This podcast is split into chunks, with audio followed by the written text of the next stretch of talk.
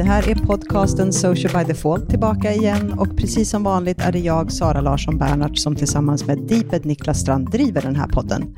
Veckans avsnitt blir ju lite annorlunda, vilket ni kommer höra och det är ju fantastiskt roligt. Och precis som vanligt, vill ni kommentera avsnittet efteråt eller har idéer för framtida avsnitt, twittra till oss med hashtaggen Social by Default eller prata med oss på vår Facebook-sida alternativt vårt Instagramkonto. Hej Sara! Hej Niklas! Hur är det? Det är bra. Det är otroligt roligt idag. Ja. Kul avsnitt. Söndag när vi spelar in. Mm. Mm. Vi har varit ute och tagit en promenad för att vara fräscha och pigga nu. Ja, och, och lyckats liksom lägga upp och diskutera det vi ska prata om. Det, för det är ju den här liksom tiden på året. Mm. För alla sociala medier-nördar i Sverige den bästa tiden någonsin. Det är helt enkelt svenskan och internet släpps. Ja, men precis. Bibeln.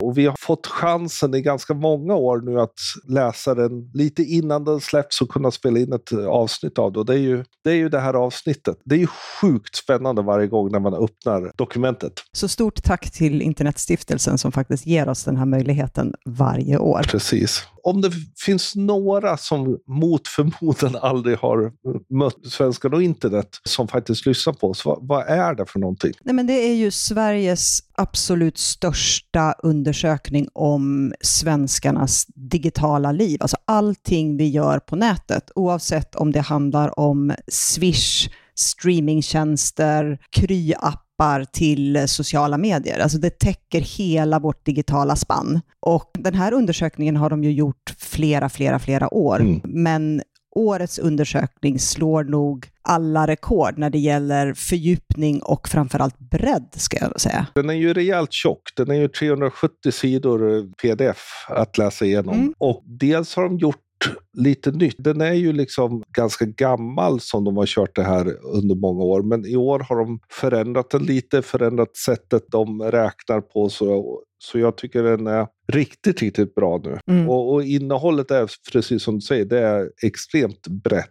Förra året så gjorde de ju två undersökningar. En som var precis innan pandemin startade och sen en efter då ett år. Och den här är ju också lite pandemipåverkad självklart. Både utifrån kapitlet om arbete och studier på distans som ju liksom har kommit till på grund av pandemin väldigt mycket. Och det som du säger, jag menar, nu har vi ju hållit på med pandemin i snart två år. Jag menar, december, februari är ju när vi har suttit i det två år. Så det är ju självklart att de här siffrorna kanske har stabiliserats, eller åtminstone visar ännu mer hur de här senaste två åren har förändrat vårt digitala beteende. Jag vet att vi förra året pratade om pandemin som chockdigitaliserade Sverige. Mm. Och det var ju verkligen så. Och det tycker jag att man ser en ganska logisk utveckling i de här siffrorna också som vi ska gå igenom. Vi, vi kommer gå igenom framförallt sociala medier självklart, för det är ju ändå Mm. Vår och de delarna och landa i lite saker som vi alltid diskuterar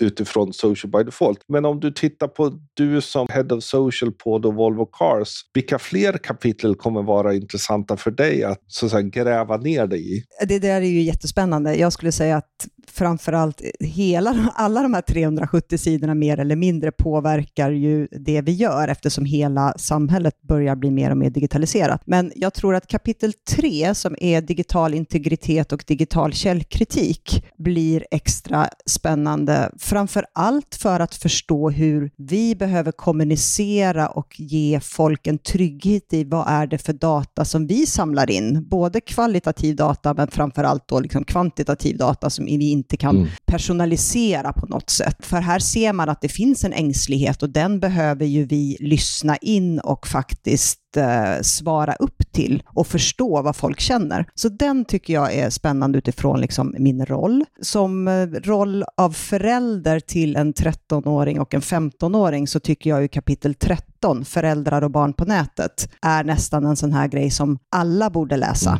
som har barn. Inte för att det är någon skrämselpropaganda överhuvudtaget, utan helt enkelt få en förståelse för hur ser de på sin nätnärvaro och vad är det som oroar dem. Så den tycker jag är otroligt spännande också. Vad säger du själv som head of Nej, men självklart så de vanliga alltså, sociala medier och medietjänster kommer ju vara viktigt. Jag kommer ju självklart titta på e-handel och digitala betalningslösningar, för det hänger ju ihop med det vi gör. Även att försöka förstå runt digitala samhällstjänster som kanske inte direkt, men, men ändå förstå då de diskussioner som är runt framförallt den äldre delen av användarna och mm. de problemen som finns, sällan användare och sådana här saker. Sen självklart om influencers, men det är väl egentligen den som är den minst... Det är inte så mycket runt influencers egentligen. Det, det finns lite gambling, nöjesspel och streamers, men, men den delen har de inte med i år. Ja, så det finns ju väldigt mycket och jag tror just att läsa den här som då social media managers, att titta på helheten. Därför vi är ju också, lite som du var inne på, vi är ju de som också får vara där och förklara. Vi behöver förklara vissa saker och använda mm. sociala medier till det. Och en sak för alla er som lyssnar och kanske jobbar på bolag som har en PX-avdelning eller en HR-avdelning, den tycker jag att ni ska gå med framför allt kapitel 6 som du nämnde, arbete och studier på distans, eller framför allt arbete på distans. För det där blir ju också jätteviktigt i den här liksom återgången till kontoret. Mm. Vad tycker och tänker folk? Här får man liksom reell fakta på vad det är som folk känner inför det.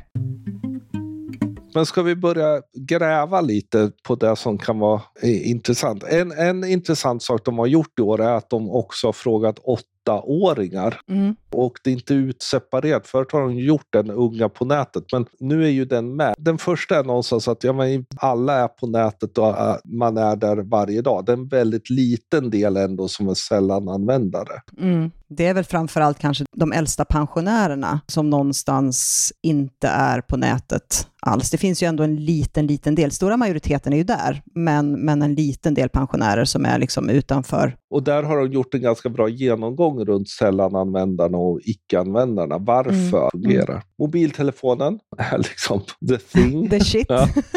Precis. Inte så förvånande faktiskt. Nej, så har det ju varit, men, men den, det fortsätter. Det är ju liksom hundraprocentiga. Förr om åren har de ju alltid varit försiktig med att sätta ut hundra procent, men nu är det ju hundra procent. Mm Thank you. Kul så här övergripande är att fyra av tio internetanvändare får höra att de spenderar för mycket tid. Ja, framför skärmen. Ja, och skärmtidsdebatten är ju med i den här. Den är ju lite intressant ändå. Ja, men sen är det ju också, vi, och vi har ju diskuterat här, vad är skärmtid och vad är skärmtid? Finns det ful skärmtid och fin skärmtid? Ja. Och är det, är det okej okay att spendera mycket fin skärmtid, inte leisure och underhållning? Det som jag tycker är intressant i den dialogen är ju att en fjärdedel av de här då anser att skärmanvändandet ger en känsla av att vara mer social, mm. medan en av tio då får känslan av att deras kanske intensiva skärmbeteende gör att de känner sig lite mer utanför. Mm. Där är ju en viktig parameter i diskussionen runt allt det som gärna kommer upp. Liksom att ja, skärmarna gör oss mindre sociala och så. Att åtminstone fyra av tio tycker att det gör dem mer sociala. Åtminstone 50 procent känner att nej, det gör varken till eller från. Var det två år sedan som Google Home var årets julklapp? Ja, eller om det var längre sedan. Ja, för nu, nu visar ju den här undersökningen att var sjätte person faktiskt har en uppkopplad högtalare i sitt mm. hem.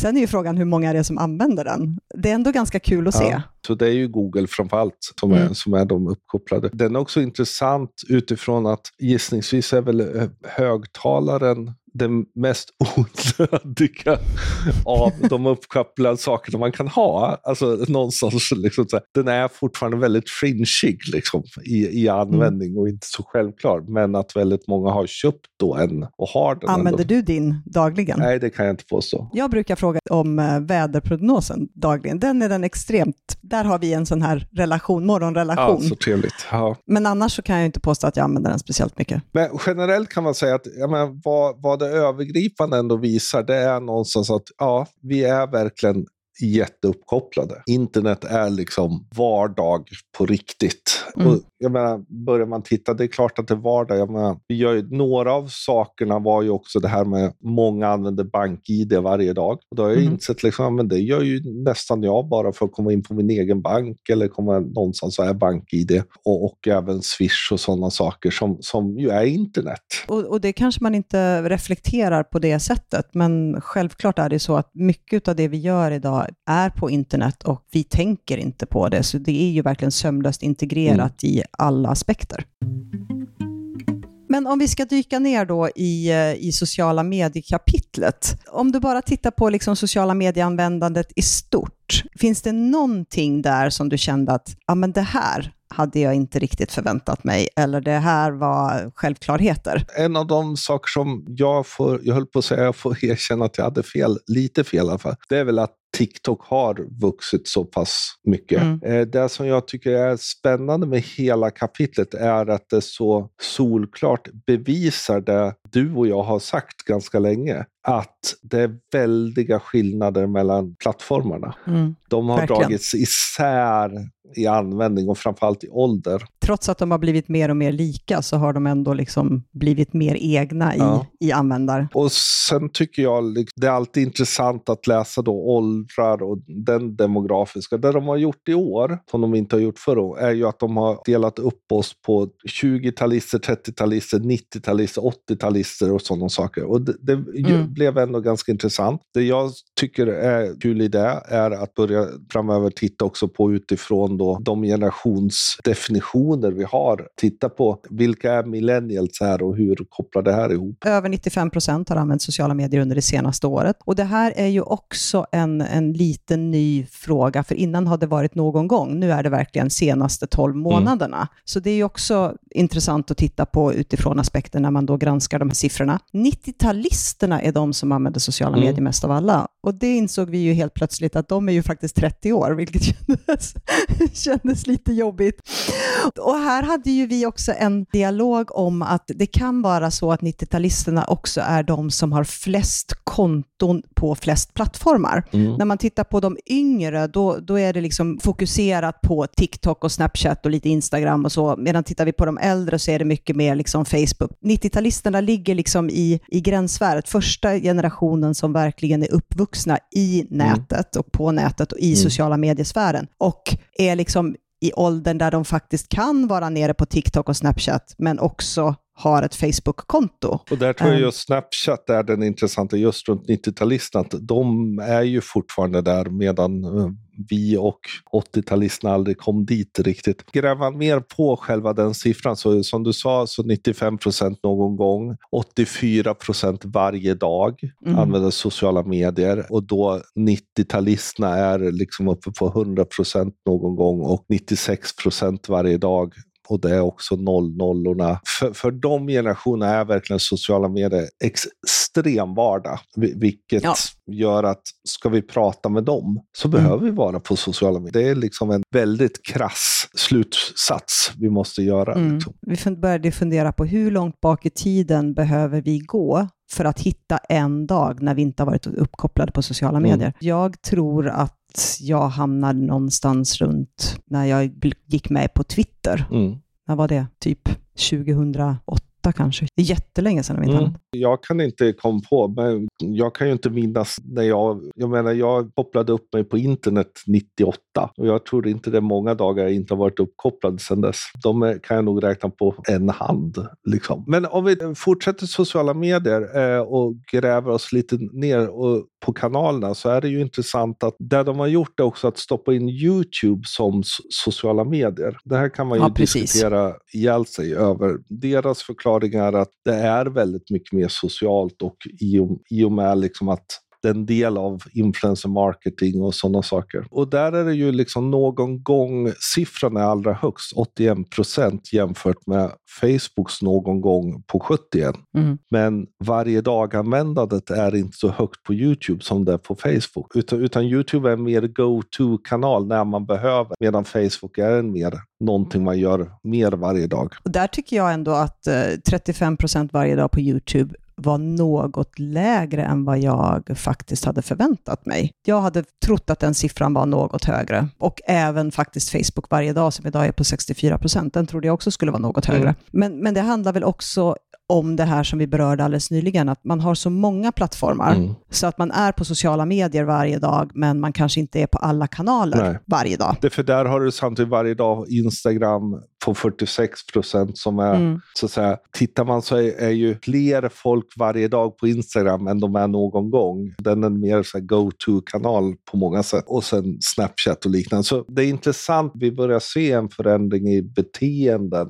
där vissa kanaler är mer nytta och andra är mer bara att vara. Redan förra året pratade vi om hur, hur det här hemarbetet eh, och pandemin hade påverkat vår sociala medienärvaro och vår varje dag-närvaro på kanalerna. Och jag tycker att vi ser det i de här siffrorna Mm. också. Det finns liksom en naturlig ökning, för vi ser en liten ökning i alla kanaler. Både daglig användning, men också Mm. att man är där oftare. Och just det här använt någon gång så ser man ju när man då drar ner en topp fem där an, använd minst någon gång senaste månaden på femte plats är LinkedIn. Mm. Men använd varje dag på femte plats är TikTok.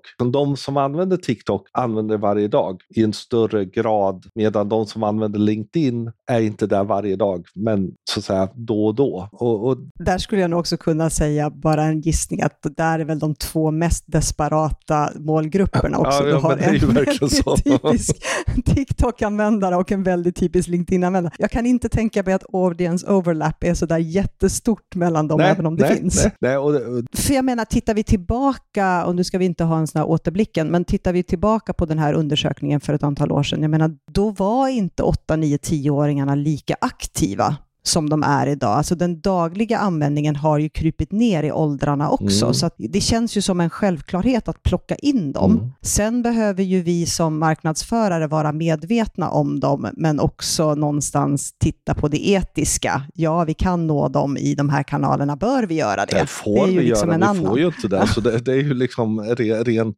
krast. Men den är intressant därför just när man tittar 8 till 11-åringarna, om man tänker på, men när mina barn är ju 22 och 20, Mm. när de var runt 10, då, då ville ju de också ha lite sociala medier. Då var det Facebook. Idag är ju 8 till 11-åringar inte alls på Facebook. Där är det liksom någon Nej. gång på 3 procent, medan TikTok är jättestort. Ja. TikTok, Snapchat, Insta i den ordningen. Liksom. framförallt har de annat, för där kommer ju Roblox, medan man då ser 76-åringarna, där är ju Facebook allra störst och daglig användning på 47 procent av 76 plussarna. Liksom. Så vi har ett utdrag och en fragmentarisering på det. Det jag tycker att eh, är intressant och också kanske naturligt är ju LinkedIns ökade användning. Mm. Vi diskuterade ju det här i morse när vi var ute och gick, att nu är vi i ett läge redan efter liksom nyår när vi såg hur vaccineringen började komma igång, vi såg siffrorna började ju dala framåt våren och folk vet att det har kommit en återgång, eller det kommer komma en återgång till kontoret. Och där man kanske nu efter att ha suttit hemma ett år funderar på, vill jag verkligen tillbaka där jag var förut. För det känns också som att det finns en ganska stor rörelse på arbetsmarknaden just nu som har skett någon gång från maj och framåt. Mm. Så, så den siffran tycker jag är spännande att titta på, men eh, i den kontext som vi har levt nu så är den inte så förvånande heller. Det är inte daily driver för speciellt många, men däremot det är fler som har hittat dit. Så Mm. är en lite långsam eh, ökning lär vi se på LinkedIn, vilket innebär då att man också behöver tänka på det när, när man jobbar med att nej, folk är inte där varje dag, men man är där veckovis eller sådär. Och då bör man ju Mm. ha ett mer, vad ska man säga, evergreen content, göra längre annonskampanjer och sådana saker. Precis, och kanske inte behöver uppdatera varje dag där Nej. på samma sätt som vissa av de andra kanalerna. Men sen in, in, så insåg vi också när vi tittade på liksom vilka är det då som är just på den kanalen. Ja, men det är storstad, höginkomsttagare, tjänstemän och män Mm. i störst utsträckning. Även om vi ser att det har liksom börjat krypa lite andra målgrupper. Men det behöver man ju också ha med sig. den, eh, jobbar man med B, B2B och sådana saker så ska man liksom gå fram till sida 216 och titta över den. Därför Den är markant. Där har de då gått igenom olika demografiska roller för, för LinkedIn just. Och, och man ser just där. Och just när arbeta hemifrån var ganska intressant och den har de tagit med här och, och hur de som har arbetat hemifrån är oerhört mycket högre användare eftersom det är tjänstemännen Ja. Ska vi fördjupa ner oss lite grann i den här stora massan då, 90-talisterna, som också kanske är en av de målgrupper som vi alla försöker nå mer eller mindre mm. på de här kanalerna. Lite som vi var inne på, jag menar 90-talisterna har konton överallt, vilket innebär att vi faktiskt, om vi vill, kan nå dem i stort sett överallt. Men främsta kanaler är fortfarande Facebook och Instagram. Mm. Det är där de lever mest men där vi också ser att YouTube har en ganska hög mm. användning. Mm. Just med YouTube blir ju en intressant del att där kom det ju fram till att vad använder man YouTube till? Mm. Instruktionsfilmer. Där du och jag ofta har sagt att YouTube är väldigt svårt för ett företag att jobba kontinuerligt mm. med så bör man kanske fundera, men det är kanske det här vi ska använda Youtube till, att verkligen se till att man har då, istället för manual, skrivna manualer, även filmer. Men om vi fortsätter att titta på 90-talisterna, så lite som vi var inne på, ja men de finns på Snapchat, de finns på Instagram, de finns på Facebook, de finns på Youtube, de finns väldigt över, överallt, medan man ser att mm. 00 finns också där, men Facebook är inte alls lika stort, men däremot Nej. så är de eh, Snapchat-användare i en väldigt hög grad. Därför de är ännu inte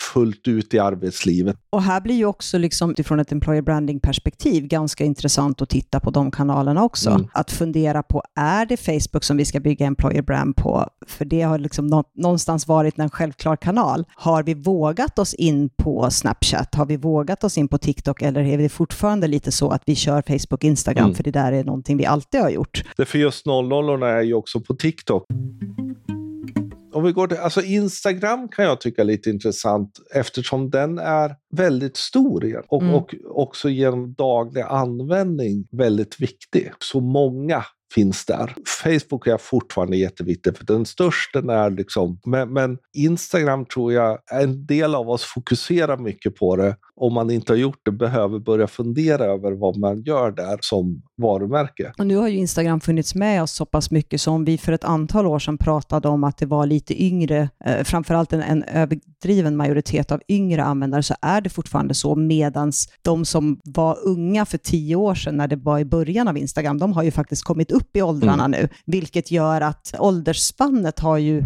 spritt ut sig lite också, vilket innebär att vi kan nå framför allt liksom 70, 80 och 90-talister. Och 00 Väldigt väl på Instagram. Mm. Då har de ju gjort en intressant undersökning, för det här är någonting du och jag ofta har pratat om. Var når vi dem? på Instagram. Förvånande tycker jag, men där är fortfarande infeed det som är bäst. Ja, extremt oväntat. Jag blev sådär, nej det här kan ju inte stämma. Det, för dels hör man många säga att jag kollar bara stories. När jag tittar på köp så är ju liksom stories typ 99 procent av uh, konverteringar ligger där. Liksom. Mm. Ja. Vi såg en annan ja, på, SKF. på SKF. Men flödet har folk ändå sagt att man tittar i flödet, man, man är där, mm. stories något inte lika mycket. Och då blir det ju att vi får tänka om igen lite och faktiskt återta flödet igen. Ja, framförallt inte glömma bort flödet. Ja. För jag menar, frågan är ju liksom vad gör man mest? Samtidigt är ju också frågan var är, ligger den bästa konverteringen? Mm. Vi vet att vi inte klickar så jättemycket på länkar i flödet. Det innebär ju inte att vi inte ser ett företag där eller vi möter ja. företaget. Medan vi har en, en större benägenhet kanske att swipa upp eftersom vi i storiesflödet faktiskt inte har konkurrens mm. från någonting. Vi tar upp hela rutan under en eller två eller tre frames. Det som är ganska tydligt och nu har ju även Instagram insett det på global basis är ju att IGTV har ju inte riktigt slagit igenom och nu plockar de ju även bort IGTV. Så att... Och samtidigt så tyckte jag IGTV var oväntat stort.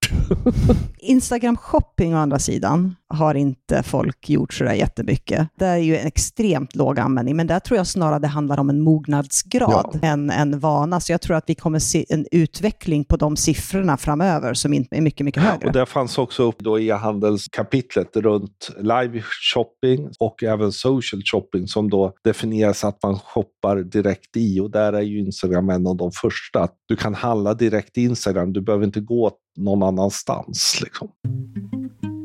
TikTok då? Jag känner mig aldrig så mycket som boomer som när jag sitter och försöker förstå vad TikTok är. Det är ju en majoritet av 00-are och det är ju inte förvånande. Även 10-talisterna är ganska många som är där. Sen eh, 90-talisterna har ju konton och sen är det liksom fallande neråt där man ser nästan ingen användning alls av 60, 50 och 40-talister. Det, det, är liksom, och det är inte så konstigt. Det, du sa ju att du känner dig aldrig som en boomer. Jag är också helt förundrad över hur mycket, mycket timmar de unga mm. egentligen kan lägga på TikTok. Jag kan i och för sig förstå det, för det, det är så lätt att swipa vidare till nästa film och det kommer och så kommer någonting mer och så. Och jag har alltid tänkt att det, jag kan uppleva det som väldigt tillbakalutat och Mm. Men då visar det sig att det är ju den plattform som flest skapar på. Framförallt unga. Väldigt många av TikTok-användarna gör också filmer. Vi har sett en nedgång i,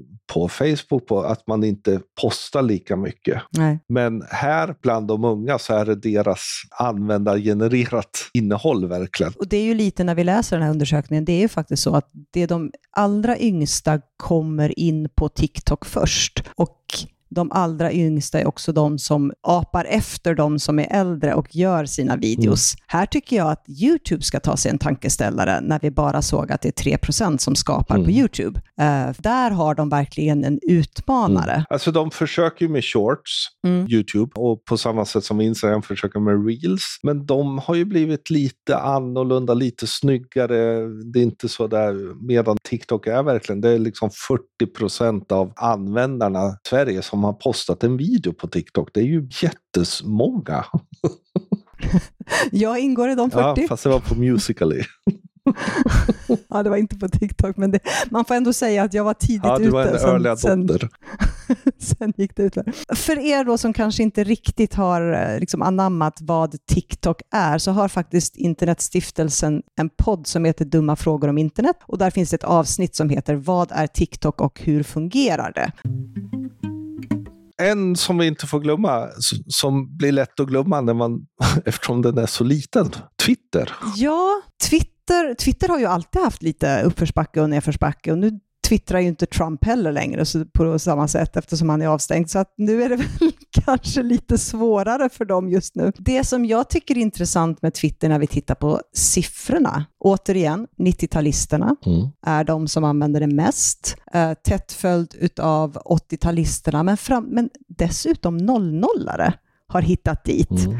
Och jag vet att vi har diskuterat det här tidigare. Jag vet att när Hampus Brynolf gjorde liksom sin Twitter-census, att det fanns liksom ganska starka ungdomskluster mm. som, som var lite som isolerade öar. Och det här visar ju siffrorna att det är fortfarande så väldigt mm. mycket. Mm. Och Sen är det då 7 daglig användning och det är ju paritet med LinkedIn. Liksom. Det är ju litet och det vi ser är bara en liten del av om man går in och liksom är mitt i den här politiska diskussionen runt sådär. Det finns så mycket mer på Twitter som vi inte ser. Det som jag hade velat se i de här siffrorna är ju inte bara en passiv användning av Twitter, utan faktiskt, okej, okay, hur ofta är det, hur stor är andelen som är aktiva contributors, alltså mm som twittrar aktivt, såg vi tidigare också en ganska liten skala mm. som var aktiva twittrare. Och med tanke på att klimatet har förändrats så mycket de senaste åren så skulle jag ha velat se om den siffran har minskat något, att folk tystnar och mer läser och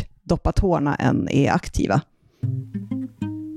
det är ju roligt att Pinterest finns med fortfarande. Och det, där är ju du som Pinterest-drottningen för 11 år sedan. ja, jag tror ju att alltså, Pinterest är ju en av de här sällan-plattformarna. Mm. Man är där för att man har ett projekt eller man har någonting som man vill göra och så dyker man ner och så är man där ett tag och sen så går man tillbaka och sen så glömmer man av Pinterest till, till nästa del. Mm. Det som är intressant när vi ser på siffrorna är ju att daglig användning är ju ganska låg. Tittar man på minst någon gång de senaste 12 månaderna så ser vi en majoritet av 80-talister, 90-talister och 00-talet. Mm. Och där hade du och jag en liten diskussion. Om man tittar på liksom de här tre generationerna. Så, alltså 90-talisterna de kanske ska byta från, från lägenhet till hus. Man har börjat få liksom, sina barn första, andra. Man kanske är i ett läge i livet där man, där man behöver Pinterest som en eh, moodboard eller samlingsplats eller för att inreda, tänka, utveckla. Samma sak kanske lite grann med 80-talisterna. Och sen så om vi tittar liksom mitt emellan där, kanske inte riktigt noll, nollarna, men där på tidiga 00 ja men de är liksom flyttar hemifrån eller har gått färdigt universitetet och ska byta lägenhet och kanske gifter sig. Så det, det händer ganska mycket i livet under de här generationerna. Och sen ska man inte glömma att eh, ja, men också Pinterest är mycket kläder, mode och mm. har en ganska stark integration med köp. Förra veckan så kom då ett rykte, ett starkt rykte om att de säljas till Paypal för ohemula mängder med pengar. Det här är social shopping på riktigt. Här kommer den komma. Så, så intressant och självklart viktigt för de som, vi, vi som jobbar med marketing, att, att, kanske inte glömma bort Pinterest och börja titta på det kommande år. Ja, för er blir det ju superspännande, liksom bolån mitt in i... Uh... Ja, men det är ju lite så liksom ut, avstickare då, som de inte har haft med tidigare år, det är ju Clubhouse och House Party. som har varit lite bubblare, där man eh, numera vet då att House Party inte kommer finnas längre. Väldigt, väldigt stark plattform bland högstadieelever. Clubhouse hade för mig en yngre målgrupp än vad jag hade förväntat mig. Där var mm. det också högstadiet, gymnasiet och studenter, för att bli universitetsstuderande, där mm. det låg på liksom 4 procent. Svårt att se de siffrorna stiga till nästa år. Men ändå kul att de var så pass med på Clubhouse, för det var ju inte jättelänge sedan de, de lanserade plattformen. Och jag, jag tror de, precis som vi, trodde nog att den skulle så att säga, fortsätta växa. Mm. Sen ser man ju de som har startat motsvarigheter har ju inte heller fått riktig fart på det. Det som har gjorts i år är att man har plockat isär sociala medier och chatt. Chatt har man då Facebook Messenger, sms, men också Teams och Zoom och videosamtalen. Och den är ju en typisk pandemihändelse. Definitivt. Att det har vuxit så pass mycket. Men, men det man ser är ju att folk chattar ju jättemycket och där är ju självklart fortfarande de äldsta är mycket mer, men, men det är väldigt hög grad från 60-talister uppåt mm. där chatt den är viktig. Och där kan man ju tänka sig att 60-talister och 70-talister hamnar både i att prata med sina barn som inte bor hemma längre, eh, men också jobbet. Alltså att mycket Zoom och sådana saker har dykt upp. Mm. Medan eh, de yngre självklart eh, handlar väldigt mycket om att man är van att chatta. Mm. Där tyckte jag det var spännande när de säger att av internetanvändare som är 12 till 15 år tycker att det är lika lätt att prata med sina vänner via chatt som att prata i verkliga livet. Det är ju mm. en otroligt integrerad del. Där kan man ju också börja då fundera på skärmtid och så, för jag menar om det är mm. deras kanal för att hålla koll på sina vänner och fortsätta prata och diskutera, ska man då prata skärmtid? I de fallen är det ju väldigt mycket Snapchat. Sms äger ju fortfarande. Mm. Facebook Messenger kommer två mm. och sen är det väldigt långt ner till då Instagram och Snapchat och WhatsApp som kommer sen. Då. Så det är ju intressant att Facebook Messenger är så stor. Man ser att till exempel TikTok och Discord och sådana saker, de, de är ju små små i det här men stora i annat. Åldersmässigt ser man ju just att Snapchat är ju svinstort. Det är ju till och med större än sms när det gäller riktigt unga. Mm. Som du var inne på, att de tycker det är självklart och då är det Snapchat som det mm. handlar om. Det finns liksom inget annat. Medan vi boomers är mer sms-inriktade. Det här är ju en intressant utifrån också tänka kundtjänst och sådana saker. Att om vi ska nå och framförallt nå våra kunder, de som redan är kunder, är det mail vi fortsättningsvis också ska trycka på? Eller bör vi börja titta på ännu mer chattbotar och framförallt mm. Facebook Messenger? Jag tycker att WhatsApp faktiskt är oväntat låg med tanke på ett, utifrån ett kundservice, kundtjänstperspektiv. Mm. Där jag trodde att den var,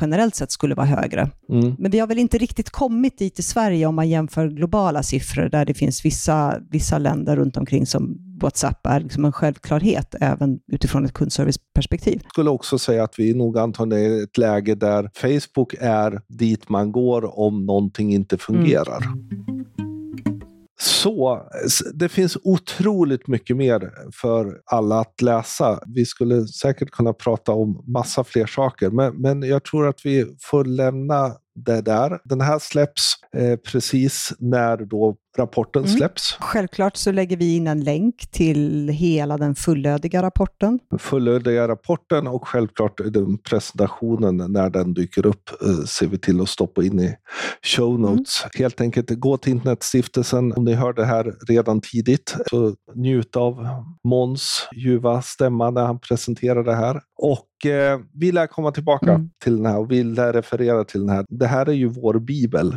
under ett mm. år. Sådär. Åtminstone för mig som jobbar mycket med Sverige, Norden. Sådär. Du har ju fler du måste fler biblar. hålla koll på. Tack för oss för idag. Hoppas vi har givit er insikter och kunskap som ni känner att ni behöver. Och glöm inte prenumerera på vår podcast. Vi finns som vanligt på Spotify, Apple Podcaster, Soundcloud, Acast och Stitcher. Och det är bara att söka på Social by Default. Precis, och om ni gillar den, ge den jättegärna betyg och recensera. Och framför allt, prata med oss. Kom gärna med era inputs från det, när ni har läst eh, rapporten. Det är jättespännande. Använd hashtaggen social by default. Ni hittar social by default som egna konton på Instagram, på Facebook och på Twitter. Inte på TikTok och Snapchat än. Nej, där är vi inte riktigt. Dock är vi ju, är ju vi där och lurkar som personligheter. Därför vill man prata med oss själva så heter jag Deeped överallt. Och jag heter Sanna C.